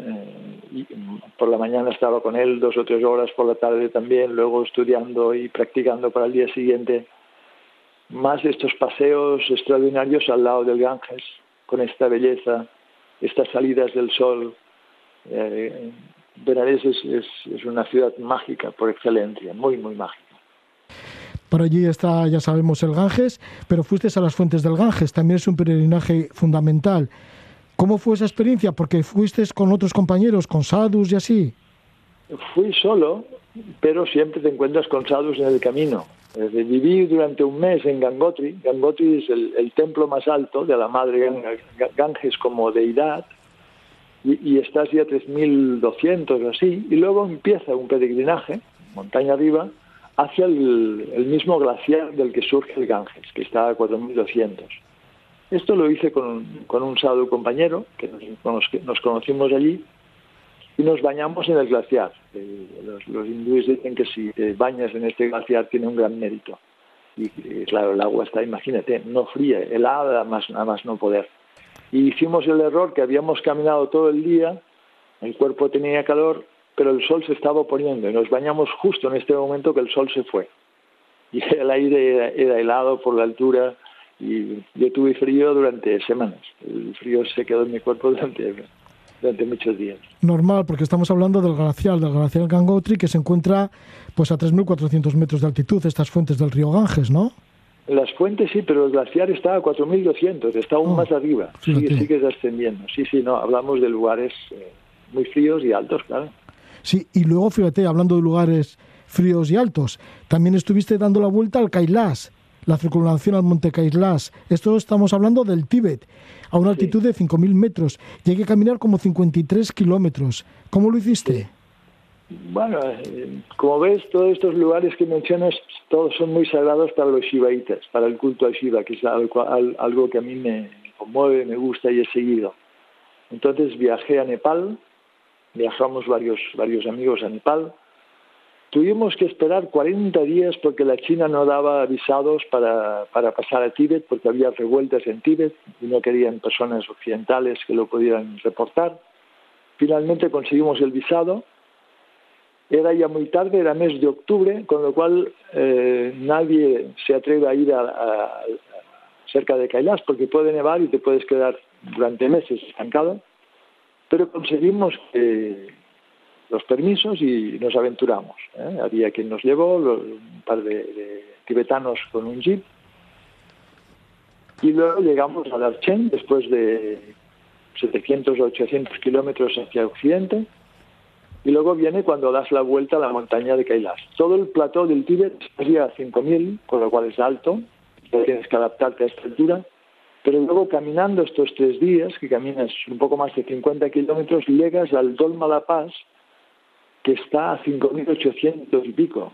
Entonces allí realmente el cuerpo te, te cambia, la mente también, vas despacio, parece que no respires hay gente que se muere ¿no? por, la, por la altura y allí no hay ningún tipo de ayuda, al menos en esta época. Esto sería hacia el año 2001. No había infraestructura de ningún tipo. Pero fue un, vi- un viaje apasionante. Eh, realmente me transformó mucho. Ves, ves la, la vida y la muerte que están cerca siempre, en cada segundo. La pureza del lugar, la belleza. Algo muy, muy impresionante.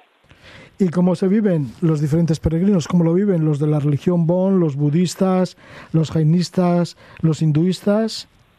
por ser ya final de temporada había muy poca gente, pero te encuentras nosotros íbamos caminando, dejando, dando la vuelta como la aguja del reloj, y nos encontramos con varios peregrinos Bon que iban haciendo un paso, hacían una prostración, y donde había llegado su mano se levantaban y hacían otra prostración, y allí se levantaban y otra prostración, y así iban dando la vuelta a los 53 kilómetros con unas con unos delantales de piel, porque hay piedras cortantes. Impresionante la, la, fe y la creencia de esta gente, muy impresionante. Encontramos una, una lama muy anciana que nos dijo que durmió en la tienda con nosotros, una tienda grande que montamos, y nos dijo que había hecho 100 pradakshinas, 100 vueltas a la montaña de Kailash, que la vuelta que estaba haciendo en aquel, que en aquel momento era la 100, que quería llegar al 108, que es un número sagrado. Te encuentras con personajes fuera de lo común.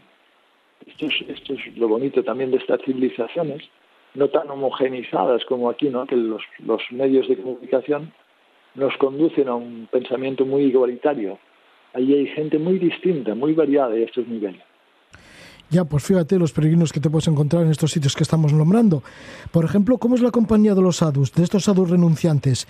¿Cómo vas con ellos y cómo son los sadhus renunciantes? Pues sadhus hay muchos, desde los sannyasis que visten de naranja, suelen ser eh, altamente estudiosos, disciplinados, eh, te pueden enseñar los textos, unas compañías perfectas. Otros que van, van desnudo- desnudos o vestidos de ceniza, o vestidos solamente con una cuerda, eh, que están siempre fumando eh, charas, eh, hashish con el chilom, que es parte también de su práctica, muy desprendidos. eh, siempre ha sido para mí una- unas compañías muy bellas, de gran... De gran eh, me, ha- me han aportado mucho. Nunca he tenido ningún problema, cosa que no fuera bien con estas compañías. Siempre ha sido muy, muy bello su contacto. ¿Y cómo Son, te...? gente, son gente muy libre, no quiere que les preguntes mucho ni te preguntan mucho.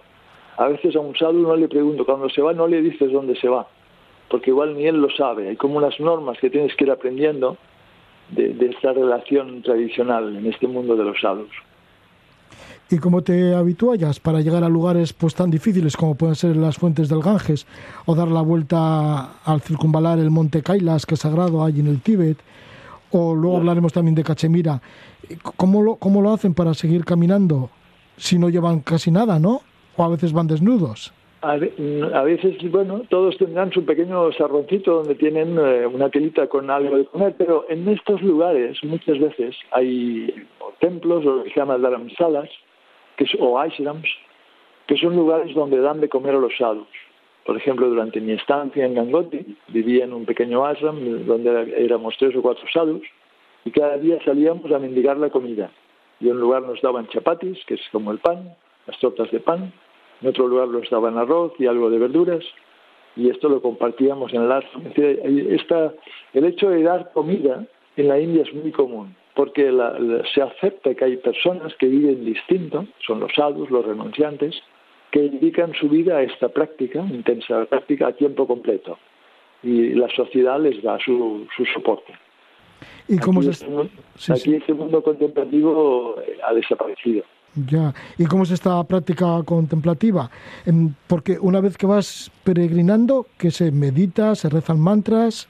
Exactamente. Eh, El peregrinaje ya es eh, en sí una cosa a veces dificultosa porque no vas eh, así muy confortable, a veces tienes que caminar mucho, así esto ya en sí es una práctica, pero además vas repitiendo tus mantras, o haciendo tus, tus meditaciones, tu- tus, la práctica yógica que cada uno haga, esto ya es muy independiente e individual, y a veces llegas al lugar sagrado y pasas allí unos días o unas semanas incrementando tu práctica porque sabes que allí en este lugar de poder tiene un, don añadido ¿no? y te da una bendición. Entonces ahí, ahí está esta sacralidad, esta, esta, este, el viaje es- se convierte en un viaje sagrado, según esta visión. ¿Cómo es el peregrinaje a la cueva santuario de Amanarch? Esto está en Cachemira, que hay que llegar a Srinagar, ¿no? La capital de Cachemira. Ya estamos en el Primalaya. Estamos en el Himalaya eh, occidental, en Cachemira, que es un valle precioso, el valle de Srinagar. De aquí tienes que viajar a Pahalgam y tienes que ir en la estación adecuada, que es julio y agosto, cuando hay unos glaciares que pueden ser cruzados. Luego puedes peregrinar a una cueva donde hay una historia antigua mitológica que dice que Shiva le dijo a Parvati, su consorte, le dio una enseñanza trascendente. En esta cueva nace un Shivalingam, nace una estructura de hielo que se hace grande con la luna nueva y que se hace pequeño con la, se hace grande con la luna llena y se hace pequeña con la luna nueva. Entonces se trata de en el mes de agosto, que es el, el punto culminante, cuando esta, esta, esta, esta imagen de hielo se hace grande, de llegar allí en luna llena. Son tres días el peregrinaje, pasas también montañas de más de 4.000 metros. Eh, yo hice solo este peregrinaje, porque cuando va toda la masa de gente pueden ir muchos miles de personas, entonces salí un poco antes para hacerlo solo y fue precioso, de, de una belleza impresionante. Y también hay muchas personas de Cachemira que crean pequeños campamentos ofreciendo comida eh, y chai, té para los peregrinos y un lugar para dormir. Son tiendas muy grandes y te dan como unos rayais, son como unas mantas muy gruesas y así pues no tienes que tú ir muy cargado. Fue impresionante. Tenía, terminé este, este peregrinaje, que fueron cinco días, de llegar hasta el, caminando hasta la cueva, regresar, y casi tenía ganas de volver a ir, porque fue precioso, precioso. Pues sí, muchos peregrinajes por la India, desde que saliste en Barcelona hace ya mucho tiempo, en enero de 1976, camino hacia Oriente y algo te fascinó, bueno, y ese que te fascinó en la India fue la filosofía hinduista y has tenido maestros. Estamos hablando con Swami Satyananda Saraswati. Eres autor de varios libros, el último de los cuales lleva el título de Las bases del yoga, el origen del Hatha Yoga, de los natas y su expansión en Occidente. ¿Qué es lo que has querido expresar? ¿Cuál es el propósito de este libro, Las bases del yoga? En este último libro he querido eh, expresar que el yoga, si bien se ha hecho muy conocido en Occidente, también ha ido perdiendo su, su punto central, lo más importante. Se ha quedado, cuando hablamos de yoga, todos vemos a esta persona en una postura complicada. Y esto no es lo más importante del yoga. Lo importante del yoga es el aquietamiento de la mente y ir a un estado más allá de la mente, un estado donde reconozco la conciencia en mí más allá del pensamiento.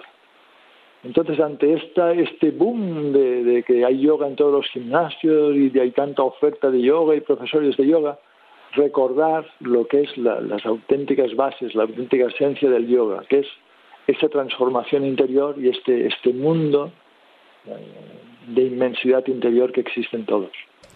Y ahí bebes de las fuentes originales, ¿no? De los Vedas, de los Upanishads, del Bhagavad Gita, de los Yoga Sutras. Exactamente, me he basado en todo esto, las Upanishads, Gita, Yoga Sutras, lo- los textos medievales del Hatha Yoga.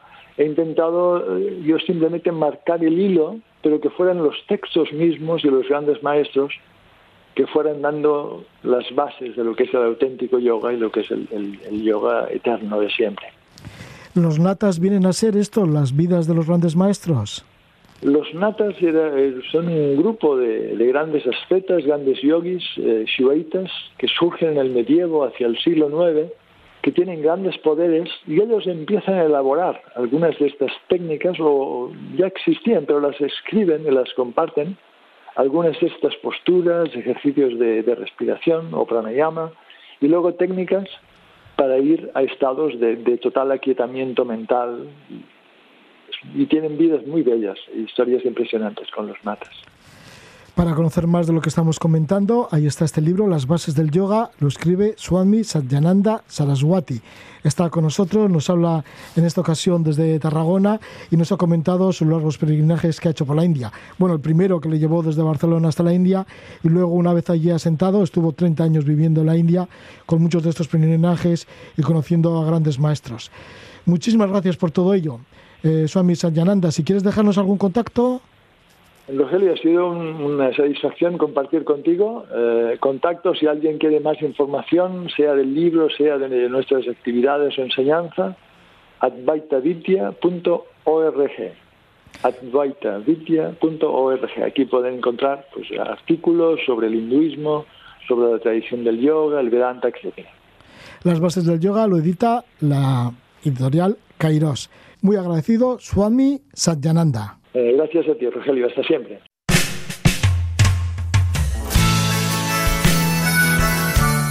Con el monje y maestro hindú Swami Satyananda Saraswati nos acercamos al final de esta edición de Levando Anclas.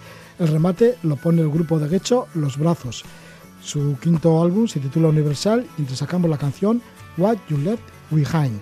Que disfrutéis dulces sueños.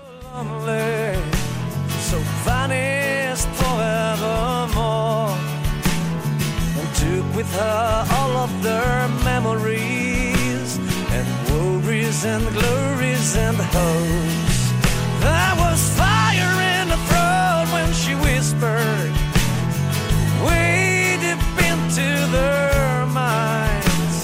You will never know what you're taking with you and what you have left behind.